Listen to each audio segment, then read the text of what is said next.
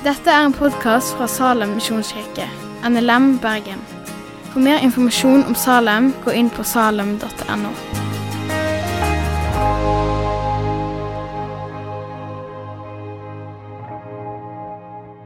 Kjekt å se folk igjen, da. Hører dere meg? Nei, sorry, dere kan ikke Altså, Jeg har tendensen til å få folk til å si ting, men å si ja. Men det kan vi ikke gjøre nå pga. korona, så beklager. Hver gang jeg ber om respons, så må dere bare være stille. Men Gjermund, takk for de ordene du valgte. Eh, og jeg tror du er litt hard med deg sjøl. Jeg tror du er flinkere til å finne ord enn de fleste. Så ta det egentlig virkelig til deg. Og vi er takknemlige for at vi har Gjermund som utvikler her i salen. Er ikke vi en Ja. Åh, litt. Dette kommer til å bli en lang tale. Sorry. Men det blir bra. Du, i dag så skal vi faktisk gå litt tilbake igjen. Vi skal gå tilbake til korinterne. For denne talen skulle egentlig bli holdt for fire uker siden. Men tro det eller ei, vi lever i tider der vi må utsette kirke. Av og til må vi avlyse. Og jeg vet at 2020 og 2021 har vært tøffe. Men heldigvis så blir Gud aldri avlyst. Gud utsetter heller aldri, aldri noen ting. Dere er alle i Guds hender. Det vil bare si. Og så til deg som følger med på streamen. Vi er veldig takknemlige for at du er med. Og jeg vil bare utfordre deg til å være en del av fellesskapet her i dag. Selv om du sitter hjemme og nyter sikkert en kald Pepsi Max, så er vi veldig glad i deg for det. Men vi håper at du kommer etter korona er ferdig. Yes. Men greit, i dag skal vi, vi skal begynne Vi skal i kapittel 9 i Korinterne. Og Korinterne, hva handler det om? Jo, Korinterne, det, handler, det er en bok som handler om Paulus, som skriver til en menighet i Korint. Og Spesielt i kapittel 9 så snakker Paulus om det å være i tjeneste for evangeliet. Samtidig som han beskriver livet som et idrettsløp, der det har en start, og det har en slutt. Når du blir unnfanget, så starter livet. Og når du en gang det kommer til å stå en dødsannonse, jeg vet ikke om det blir en avis eller noen digitale greier, så vil det stå at du har avsluttet livet og blir oppgradert til den neste herligheten.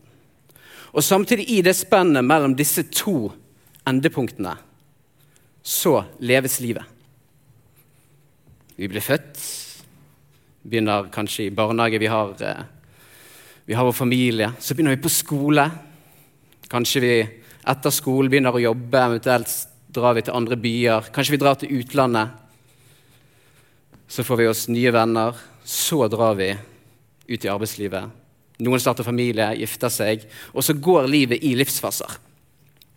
Og det er det Paulus ønsker å gjøre når han skriver til denne menigheten i Korint. Korint er en verdenshovedstad i bunn og grunn. Det er en by som er masse blanding av både jøder, romere, grekere. Forskjellige religioner, forskjellige kulturer. Det er kanskje mer likt eh, som Oslo er i dag. Bergen begynner å bli mer eh, kulturell. Vi kommer eh, sakte, men sikkert der. Og det han ønsker da, det er at han ønsker å fange de troendes oppmerksomhet. Paulus altså, til Korint. Han ønsker å stille de viktige spørsmålene. Bibelskolelæreren min sa jeg synes det var litt flåsete sagt, men han sa at kvaliteten på livet ditt avhenger av de spørsmålene du stiller deg sjøl. Kvaliteten på livet ditt handler om de spørsmålene du stiller deg sjøl. Så vi spør Paulus da i kapittel 9 hva bruker jeg livet til, og hva søker jeg å oppnå?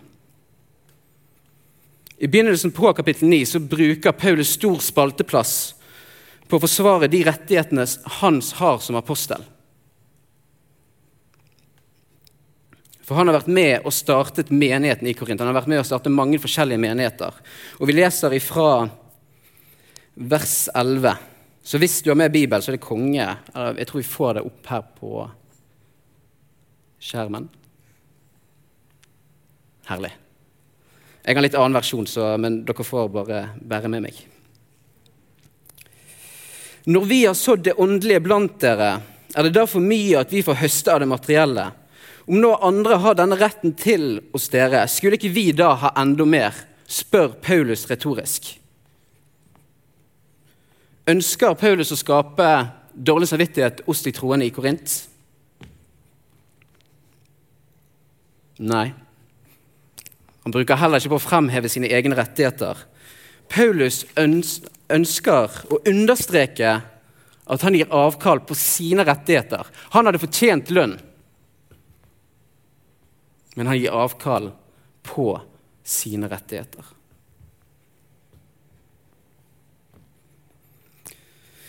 Vi leser videre. Likevel har vi ikke gjort bruk av vår rett. I stedet tåler vi for alt for å ikke legge hindringer i veien for Kristi evangelium. Så går vi til vers 16 og 18.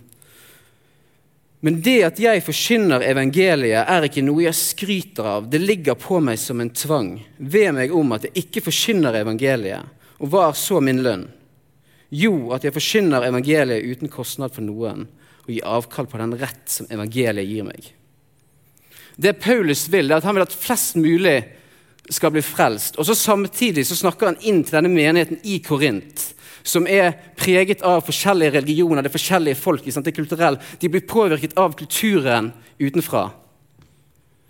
Og han sier at han vil ikke ta lønn, for han vil gi avkall på sine rettigheter. For han tenker det er bedre at evangeliet får framgang, enn at Paulus får framgang. Og For å ta det tilbake til det Gjermund snakket om i begynnelsen.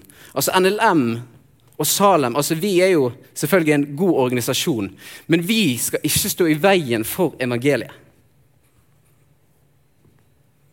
Altså, Vi som jobber i misjonen, altså, det er ikke så mye penger. da. Eh, og det er bra, for da kan vi så til menigheter som trenger det i utlandet. Hvis vi skal følge Paulus et eksempel her, hva vi ønsker å bruke livene våre til, så er første delsvar vi må gi avkall på våre rettigheter. Og Jesus må bli førsteprioritet. Så skal vi hoppe litt videre til vers 24, som egentlig er hovedandel til eh, denne talen. Får vi vers der. Kanon. Her starter faktisk Paulus med å fremheve dette livsløpet som vi snakket om i begynnelsen, fra vi blir unnfanget til vi dør, så er det en linje. Da er det et løp vi er en del av. Vet dere ikke at på et stadion deltar alle i løpet, men bare én får seiersprisen? Løp da slik at dere vinner den. Vet, er noen av dere på TikTok? Det er seriøst? Nei, dere kan ikke svare. Sorry. Men ok. Jeg antar at mange av dere er på TikTok. Så eh, Det som skjer, det er, liksom, det er en morsom sånn kristen fyr som legger ut sånne gøye videoer. Og han sier liksom 'a. Eller 'a liksom. Det er menn, da. Og jeg elsker når det er en menn. Så vil dere skal se på. Men bare én får seiersprisen. Er ikke det litt merkelig? Det er bare én som får seiersprisen. Og For å forstå det så må vi egentlig dykke inn i den kulturelle konteksten som Korint befinner seg i. For du ser rett i nærheten av Korint så er det en by som heter Itmos. Og du tenker Itmos høres ut som et veldig kult navn. Men det er faktisk noe mer som skjer på Itmos. For Itmos er en litt hellig by.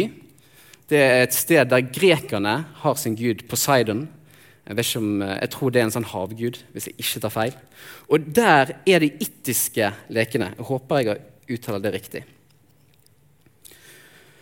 Og det, det er viktig. For, for, det som er med de itmiske lekene, det er at folk deltar i det løpet. Og i det løpet er det bare én som får seiersprisen. Det er ikke noe sølvmedalje. Det er bare gullmedalje.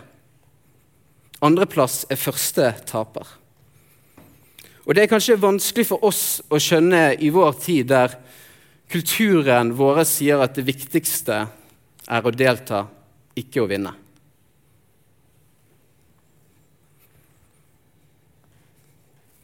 Men betyr dette da at uh, det er bare én som kommer til himmelen?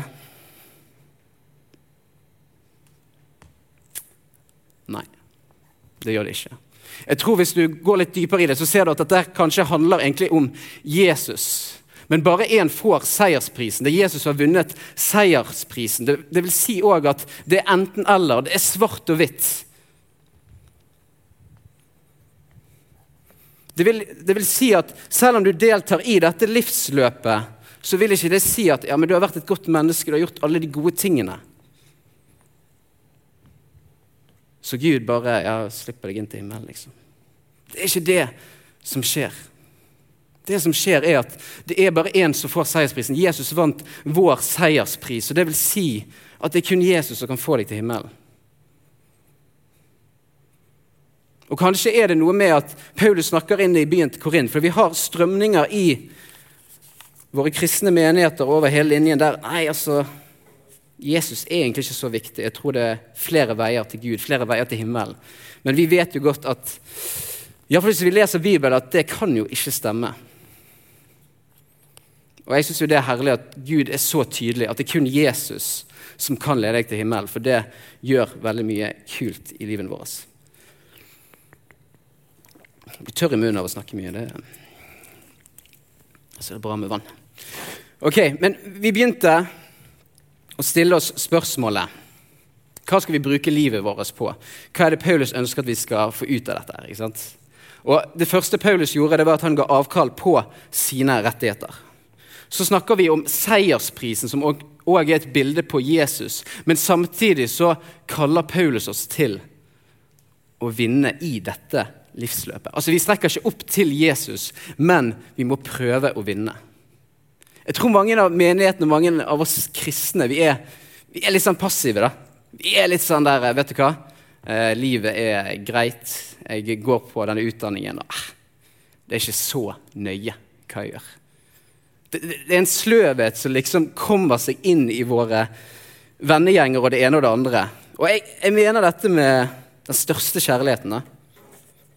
Hvis du har venner eller venninner som sier at 'jeg tar utdanningen min halvseriøst', så vil jeg at uh, du skal få lov til dette her. Ta en bibel og så slå det i nakken. Og, og det, det, mener jeg med største alvor. For hvis, hvis, du tenker på den måten og sier men dette her er ikke lidenskapen min, så har du ikke Da skjønner ikke du verden. Vi må være ærlige. Det er faktisk, Jeg lover det er sikkert mange millioner mennesker som ville drept for å sitte i de setene dere sitter i i dag. Og det er seriøst. Vi kan ikke la denne muligheten vi har fått til å være i Norge, til å sløve oss ned. Vi har en verden som trenger Jesus, og vi har en verden som trenger rettferdighet. Og da må vi kjempe. Vi kommer selvfølgelig ikke til å vinne seiersprisen. Jesus har allerede vunnet seiersprisen. Men vi må gå inn med innstillingen om at vi skal vinne. Vi må gå inn og være proaktive, ta initiativ og ikke være passive. Yes. Og så eh, Ja, du må bare følge med på tiden, ikke sant? Sånn så Ja. Bare gi meg et tegn. Gi meg sånne. For jeg merker nå har jeg snakket helt utenfor manus, men, men det går fint. Eh, jeg tror, eh, jeg tror dette fanger essensen. Så, så, det vi har sett er at Paulus vil at vi skal ta initiativ, vi skal være modige, vi skal gå inn i kampen. Men først må vi avkall på våre rettigheter. Og for å gå inn i denne kampen så må vi ofre noe. Vi leser i vers 25. Eh, Åh, takk. I min er det sånn 25A, så da er det Ja, det går fint. Alle som deltar i kamplekene, må nekte seg alt. Vi snakker da om de itmiske lekene. Og der var det sånn at For å være med i disse lekene så offret historikerne sier at eh, de som var med i løpet, ofret rundt ti måneder av livet sitt for å trene beinhardt. Og Da snakker vi beinhard trening. Vi snakker ikke sånn jogge opp eh, Fløyen. Da snakker vi beinhardt. Vi snakker opp Fløyen 40 ganger om dagen. Men uansett, det som, det som skjer, det er at de vil være best mulig trent til å vinne seiersprisen. Vinnertyper ofrer det meste. Jeg vet ikke om du noen gang har møtt noen vinnertyper, men det er akkurat sånn som med vinnertyper at det er noe med dem som du bare har lyst til å ha en del av.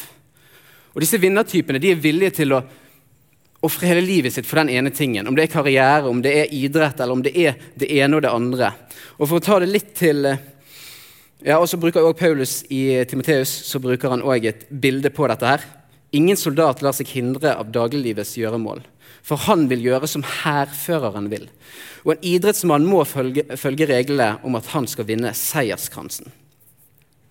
Altså Noe må ofres for at vi skal vinne den evige seiersprisen. Det er jo selvfølgelig Jesus som har ofret det. Men idrettsheltene som Paulus sier at vi skal ha som forbilder, ofret gjerne nattesøvn, ulike typer mat, komfort, tid med andre mennesker, er også penger for å vinne denne idrettskampen, altså i de itmiske lekene. Dette løpet, da. Eh, og For å trekke det litt til eh, nåtiden, så var det Jeg vet ikke om no, dere har hørt om Kobe Bryant. Han eh, var en av eh, verdens beste basketballspillere. Han gikk dessverre bort tidligere i år. Men dette her er treningsregimet til Kobe Bryant. Hør. To timer med motorikkøvelser. To timer med basketballøvelser. Én time med cardio workout. Én time med vektløfting. Hver eneste dag. Og Det som skiller Kobe Bryant ut fra egentlig de fleste andre basketballspillere, det var at han var den som var lengst igjen på idrettsbanen. Han var den som bare trente, trente, trente. Det sies til og med at når han gikk på videregående skole, så våknet han klokken fire om morgenen for å gå i basketballhallen klokken fem og spille fra fem til åtte til de gikk på skolen. Og så, eh, og så gikk han på skolen, og så var det friminutt. Og så, når skolen var ferdig, så gikk han og trente. Dette er vinnertyper. Dette er det Paulus ønsker at vi som skal bli inspirert av disse vinnertypene. Og så kan jo du tenke ok, Nå har vi sett liksom at Paulus han ønsker at vi skal gi avkall på rettighetene våre. Han sier at vi må være villige til å gå inn i kampen for å vinne, ikke bare delta. Og så snakker han at vi må ofre noe. Og så tenker du but what's in it for me, liksom? Hvorfor skal jeg ofre så mye? Hvorfor skal jeg ofre seks timer hver eneste dag med disse her øvelsene, med denne treningen? Og Vi leser da videre i vers 25. De gjør det for å vinne en seierskrans som visner. Da snakker han om de idrettsutøverne som er de itmiske lekene, og Kobe Bryant for den del. Vi for å vinne en som aldri visner.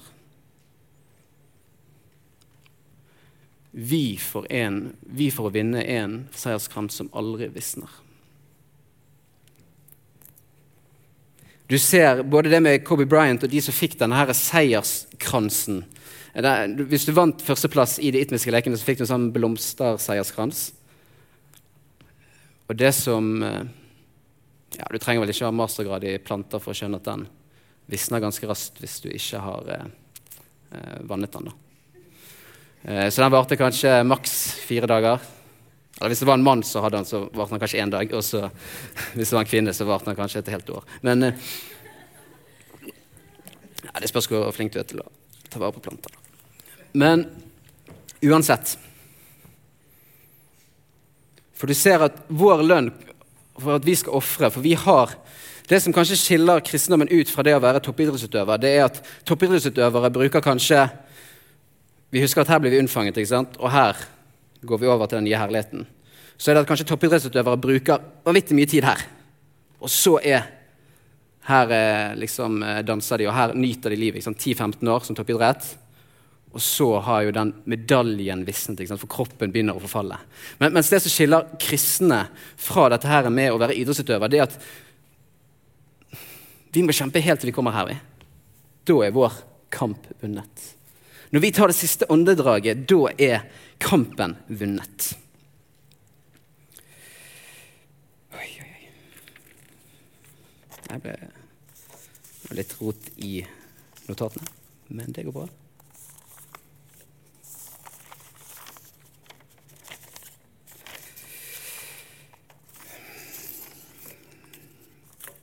Så vi kan hvile oss på ordene til Paulus men én ting gjør jeg. Jeg glemmer det som ligger bak, og strekker meg etter det som er der foran. Og jager fram mot målet, mot den seiersprisen som Gud fra det høye har kalt oss til i Kristus Jesus. Der framme ligger en lønn som aldri kommer til å visne. Det er ikke en seierskrans av blomster du får. Det er faktisk evigheten du får der framme. Og så vet jeg at det er en kamp for å nå målet. Altså Jeg er fullt klar over at livet er vanskelig. Det er ikke sånn at vi kan bare være til disse endepunktene og bare si sånn Ja, så lenge vi tror på Jesus, så går alt bra. Jeg vet at livet akkurat her og nå kan være vanskelig. Og det gjelder for så vidt deg òg som sitter der og ser på. Livet akkurat nå kan være vanskelig. For Paulus understreker faktisk altså Det er litt dårlige nyheter, men det er bra nyheter òg. Paulus understreker faktisk at det kreves mer av den kristne enn atleten på idrettsbanen. Det kreves mer enn seks timer trening hver eneste dag. Vi leser videre i vers 26. Jeg løper derfor ikke uten å ha et mål. Jeg er heller ikke lik en bokser som slår i løse luften. Som idrettsutøvere trenger også vi som er disipler, å ha målet for øyet. Vi, vi, trenger å ha målet til denne evigheten. Vi må alltid ha det i fokuset. Vi må alltid ha det som oppmerksomhet. For hva skjer med en løper hvis den skal bare løpe og ikke har et mål? Ja, sorry.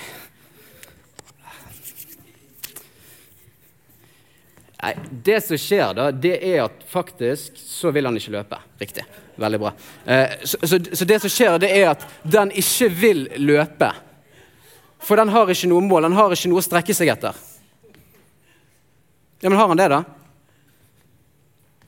Så på samme måte som disse idrettsutøverne har et mål, så må vi ha et mål. Vi må ha evigheten. Altså Jeg liker å si det som at når du mottar Jesus, så er du en framtidsborger. Vi lever faktisk allerede i framtiden som kommer tilbake igjen til nåtiden. Vi vet hva som vil skje når vi tar vårt siste åndedrag her i livet. Løperen må vite hvor målet er. Og Det leder meg til den siste illustrasjonen. Nå går vi snart inn for landing. Så skal Gjermund komme opp. Dette blir veldig gøy. Vi skal ha en eh, boksekamp. Så. Dere kan vedde på hvem som vinner. Så går alt til misjonen. Skal vi si det? Nei da. Må jeg òg ha munnen? Nei, nei, det går fint. Ja. Nei, nei bare, bare, følg med. det. Ok, Så det som skjer som en bokser, ikke sant? så må du vite hvor motstanderen er. Hva skjer hvis du ikke vet hvor motstanderen er? Ja, men Da må du, da må du bevege deg rundt. Ikke sant? Da slår jo jeg bare løse luften. Men hva skjer nå? Ja, ja, ja. Da må du slå her, liksom. Ja. Så det som skjer nå, da, det er at jeg blir sårbar for angrep. Takk, takk Hjemme. Det, det var faktisk veldig bra. Var... En applaus? Nei, nei, nei, ok. Jo. Er korona lov? Ja, applaus. Så vi har en sånn internkonkurranse om hvem som skal bli den nye pastoren. meg og Gjermund. Neida, men, og du vant, du vant, det, så det var kjempekoselig. Nei da. Men, eh, men, men, men, det som skjer, det er at Det som skjedde, så dere det, at når jeg ikke ser hvor Gjermund er, så kan han slå meg hvor enn. Og da er da jeg er sårbar forslag. Og det er det som er disippelens største utfordring. Og jeg vet at uh, de fleste her er studenter, og det er kanskje du òg som ser på. Og jeg vet at jeg har lest de rystende rapportene som sier at 50% sliter med ensomhet, sliter med tøffe ting.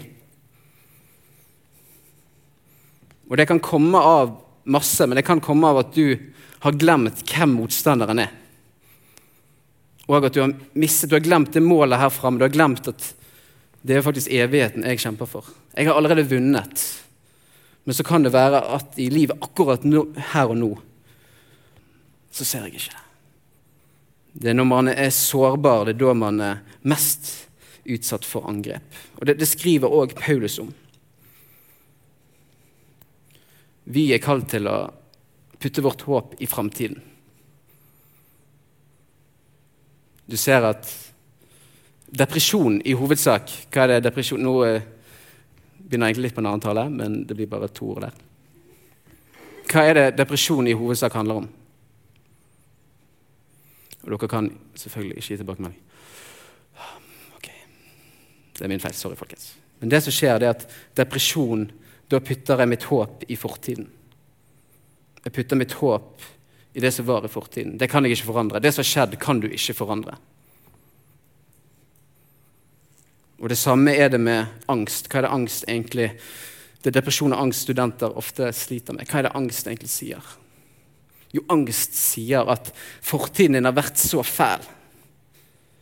Frem, og du tror da, angsten tror at din fortid er en predikasjon på din framtid. Og da må fremtiden for all del unngås. Det er det som depresjon og angst egentlig i hovedsak handler om. Men det er det Paulus prøver å fortelle oss. Han prøver å fortelle oss at vi må se på målet her framme. Vi må leve i framtiden. Framtiden er evigheten. Og med det så tror jeg vi må gå inn for en landing.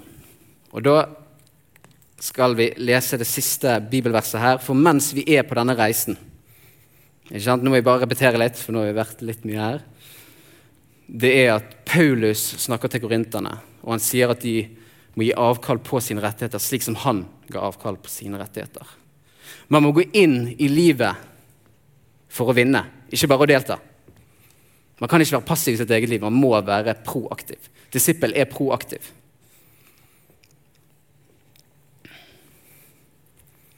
Det tredje er at lønnen vår det er den evigheten som venter der framme.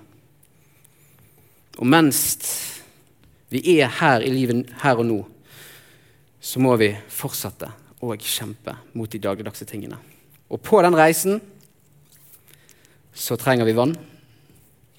Og da eh, trenger vi òg Den hellige ånd. Så vi avslutter med Johannes. På den siste dagen i høytiden, den store festdagen, sto Jesus fram og ropte:" Den som tørster, skal komme til meg og drikke. Den som tror på meg, fra hans indre skal det som Skriften sier, renne elver av levende vann. Den som løper for å vinne, løper ikke for seg selv. Men ved hjelp av det levende vannet løper, kjemper dem for andre. Og med det kan vi avslutte med en bønn. Går det fint? Så da ber vi litt til øverstkommanderende. Kjære himmelske Far, jeg vil bare takke deg for hvert enkelt menneske her. Jesus. Jeg vil takke for uh, de menneskene som også er på gjennom streamen. Jesus. Du ser hver enkelt tilfelle. Du ser de kampene vi kjemper som vi kanskje skjuler på overflaten. Jesus. Jeg ber om at du må være med oss. La oss være mer som Paulus, i avkall på våre rettigheter, Jesus, for å få ditt rike fremover, Jesus. La oss være mest avhengig av deg, Jesus. La du være den som vekker Kirken opp igjen fra dvale, Jesus, her i Norge og Vesten. La oss igjen være en stemme der andre tier Jesus. La oss igjen begynne å ta ansvar istedenfor å kjempe for våre rettigheter. Vi elsker deg, Jesus, i ditt navn. Amen. Takk for at du har hørt på podkasten fra Salem, Bergen. I Salem vil vi vinne, bevare, utruste og sende. Til Guds ære. Vi ønsker å se mennesker finne fellesskap, møte Jesus og bli disippelgjort her i Bergen og i resten av verden. Vil du vite mer om oss, gå inn på salem.no.